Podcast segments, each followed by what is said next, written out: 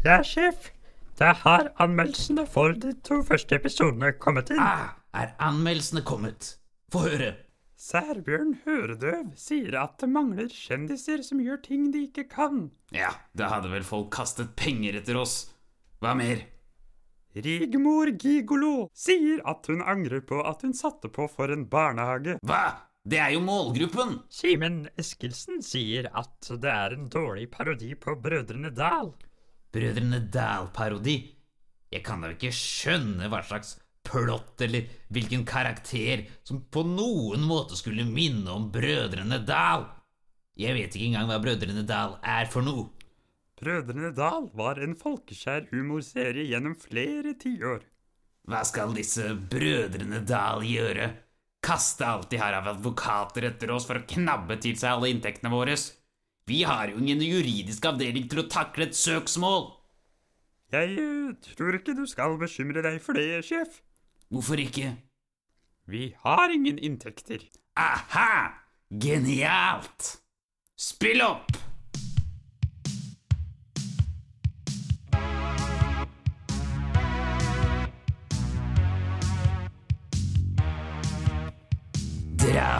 Ruttingsbu camping, episode tre.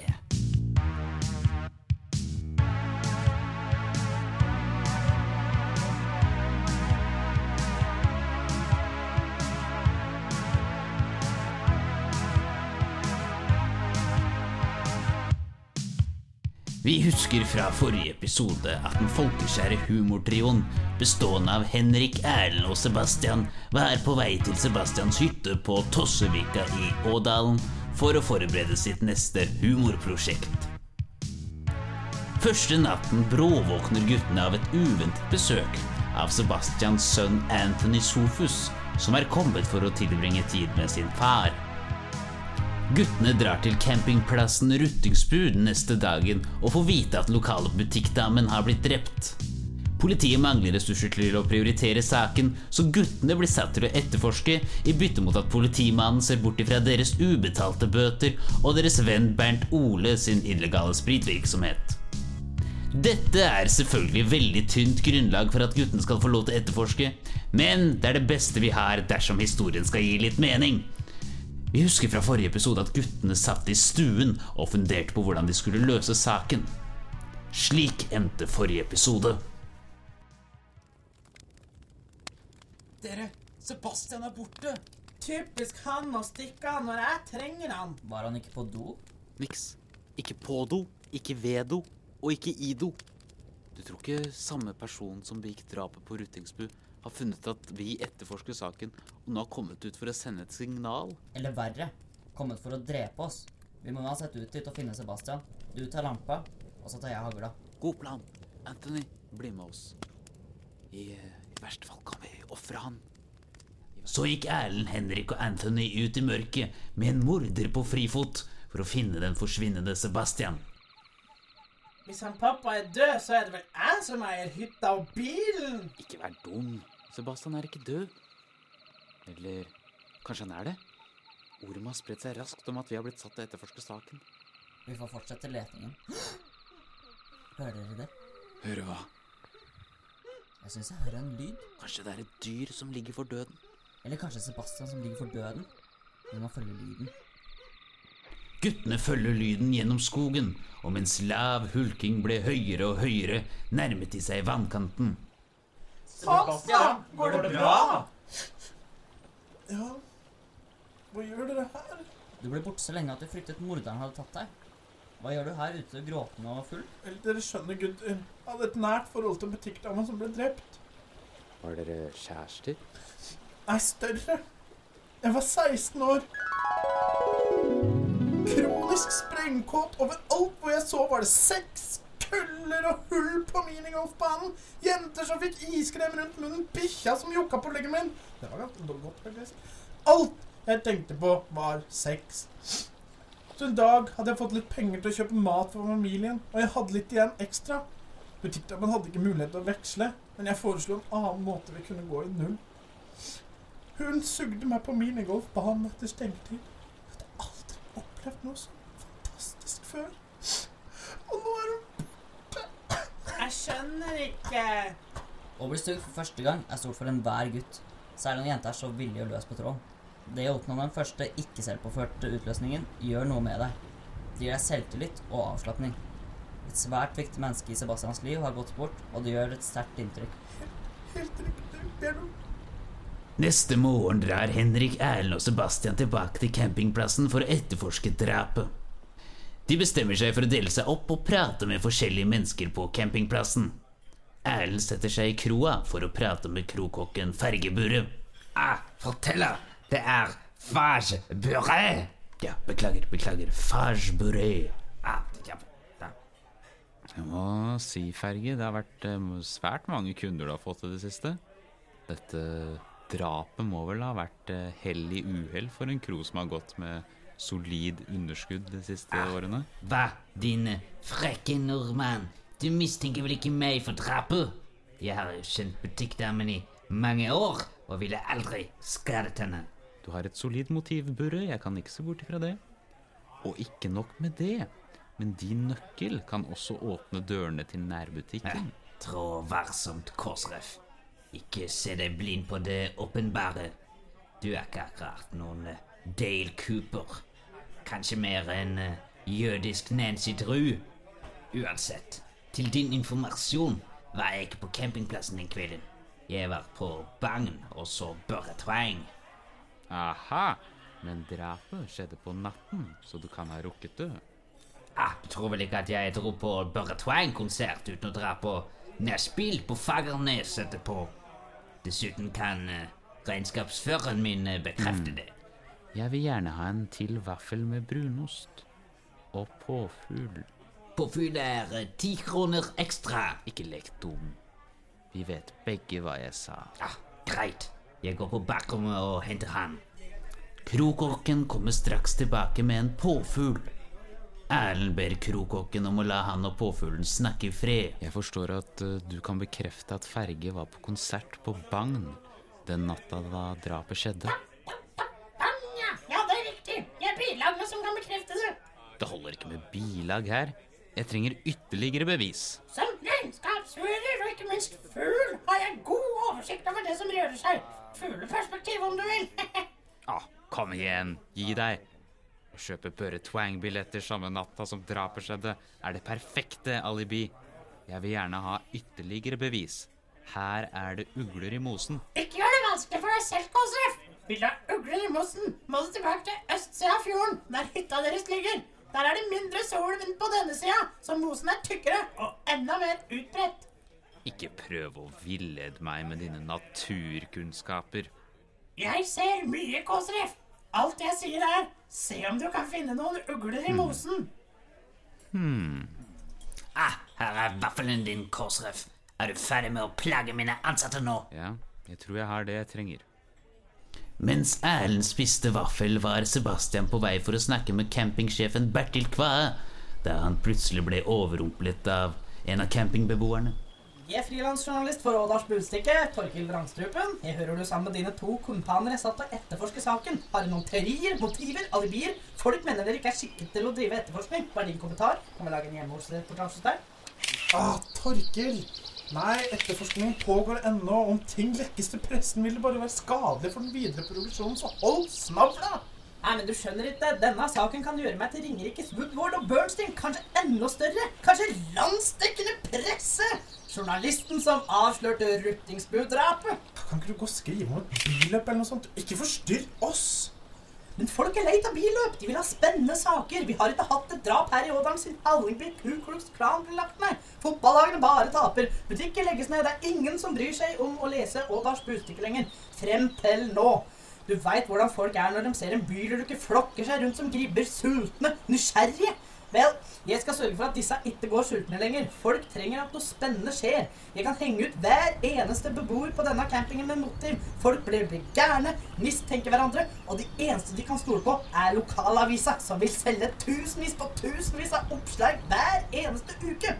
Jeg følger med på dere, Sebastian. Ikke tror jeg ikke har mine teorier om at etterforskerne også kan være drapsmenn. Å, for en sak!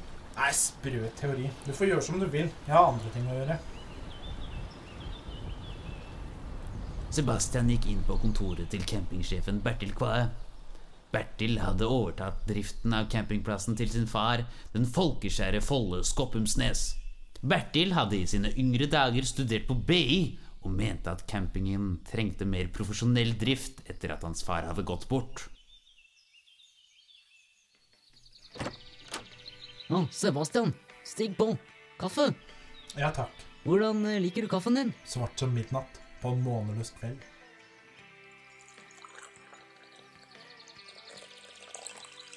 Vær så god. Nå, er det noe nytt, Simensen? Eller er du her for å avhøre meg òg? Vi kan ikke utelukke noen som helst, Bertil.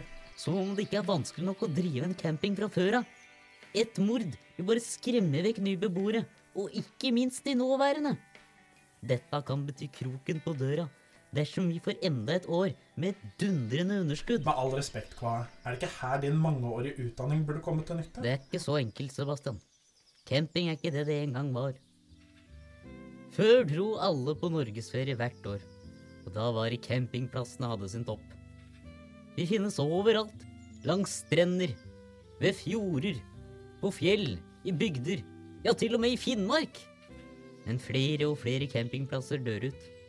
Alle vil til utlandet, og hvis de skal innenlands, så er det fancy hotell eller hyttelandsbyer som raserer natur og lokalsamfunn. Penga ender opp i lomma til noen få rikinger som knapt gir noe annet tilbake igjen til lokalsamfunnet. Dette handler ikke bare om campingplassen. Det handler om hele dalen. Og at vi skal holde liv i lokalsamfunnene våre. Jeg dro til Oslo og utdanna meg i flere år for å komme tilbake og overta etter far. Men til ingen nytte, da markedet for å drive campingplasser blir tøffere og tøffere. Denne sommeren er siste mulighet. Hvis ikke må jeg selge eiendommen som har gått i familien i generasjoner. Og det blir ikke store summen jeg får solgt den for.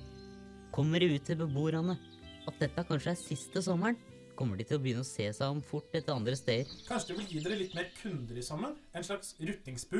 The Last Tour-aktig greie? Vi har for mye gjeld dessverre uansett. Og om vi ikke kan garantere flere kunder somrene som kommer, vil Ruttingsbu bli solgt. Og jeg vil ha skuffet far. Så så, Bertil. Vi skal nok løse denne saken. Ruttingsbu skal ikke dø.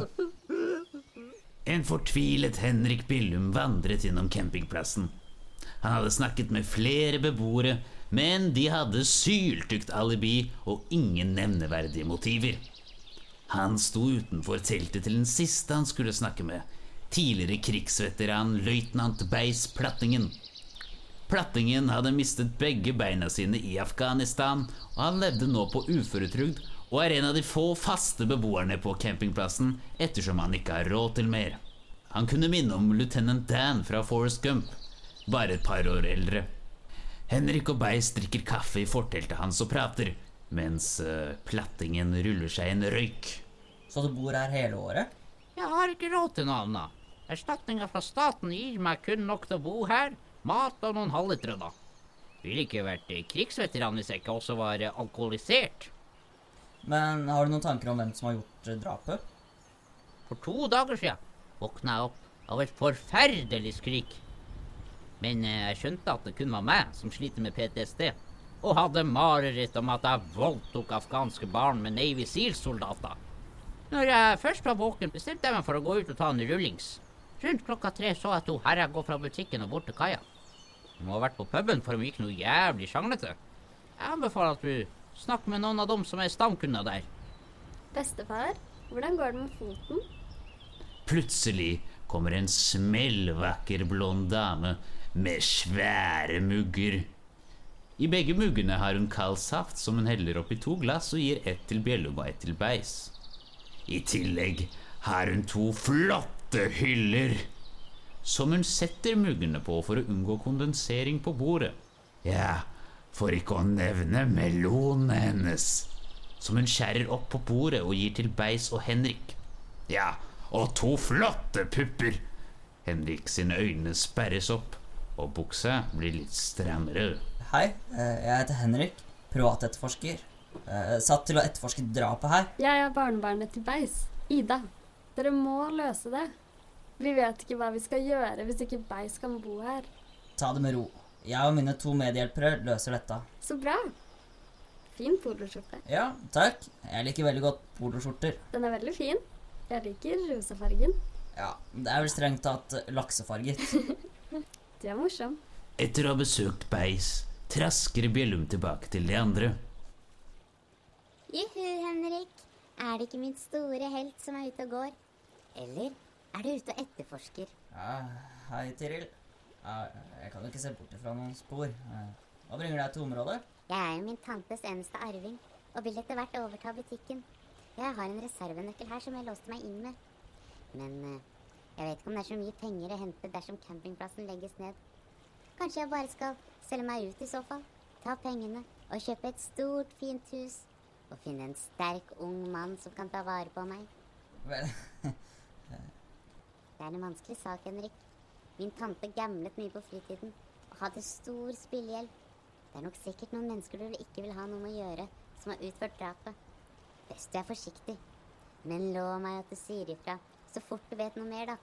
Min helt. det, det, det skal jeg. På gjensyn. Ciao.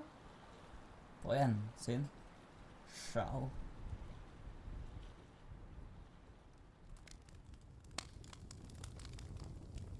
Tilbake på hytta satt guttene i stua med en kaffekonjakk og diskuterte det de hadde funnet. Utenfor vinduet kunne de skimte det blikkstille vannet mens det sakte, men sikkert mørknet mot kveld. Sier dere, karer. Noe stemmer ikke med han krokokken Ferge Burre. Vi bør eh, undersøke han mye nærmere. Ja, men er det kanskje for åpenbart? Den korteste veien mellom to punkter er ikke alltid en rett linje. Men jeg har mine teorier om campingsjefen også. Spørsmålet er om mordet var nødvendig, eller om det var ment for å skape kaos. Eller en uh, veldig misfornøyd kunde. Jeg frykter i ytterste konsekvens at dersom dette handler om noe mer enn bare butikkdommen, så kan flere mennesker være i fare. En av campingbeboerne, en tidligere krigsveteran, fortalte meg at Dere! Se ut av vinduet. Det er noen som ror der ute. Guttene stormet bort til vinduet for å se hvem det var som var ute og rodde. Har du sett? Det er jo krokokken Ferget Burre. Jeg er helt sikker. Han er ingen båtmann, og jeg tviler på at han plutselig ble det i kveld. Her er det noen muffens. Ja, ja. Bakt i morges. Nei, muffins. Men har vi muffins? Fokuser nå. Vi følger etter han og ser hva han holder på med. Åh, vi får håpe det ikke bare er enda en overdramatisert føljetong, men heller noe som leder oss til et clou. Guttene sniker seg etter båten og følger vannkanten mens de gjemmer seg bak busker og kratt på veien. Den tette skogen inntil vannkanten gjør dem enda mer usynlig i mørket. Etter hvert stanser båten i en liten bortgjemt bukt. Guttene legger seg sammenkrøpet bak en busk og kikker opp etter tur. Ser dere noen ting? Nei, det er for mørkt, og jeg glemte brillene mine i all hasten. Ser du noe, Henrik? Dere vil ikke tro det. Krokokken dumper en svær, svart søppelsekk med steiner knyttet til den. Det må jo være et liv. Vi kan ikke være helt sikre, men dette er et kjempeklu. Dessverre får vi ikke akkurat sjekket opp det med det første. Jeg veit det er skummelt, Sebastian, men ikke klem armen min så hardt. Jeg klemmer ikke armen din. Jeg er her borte. Og jeg er på den andre siden av Sebastian. Men hvis det ikke er dere, hvem er det da? Hvem er det som klemmer armen til Erlend? Har guttene rotet seg bort i en etterforskning så farlig at de har blitt satt i en skikkelig klemme? Og hvorfor er krokokken Ferge Burre, jeg mener Fage Burre, ute med en båt så sent på natten? Følg med i neste episode av Kaffekroken og drapet på Ruttingsbu camping!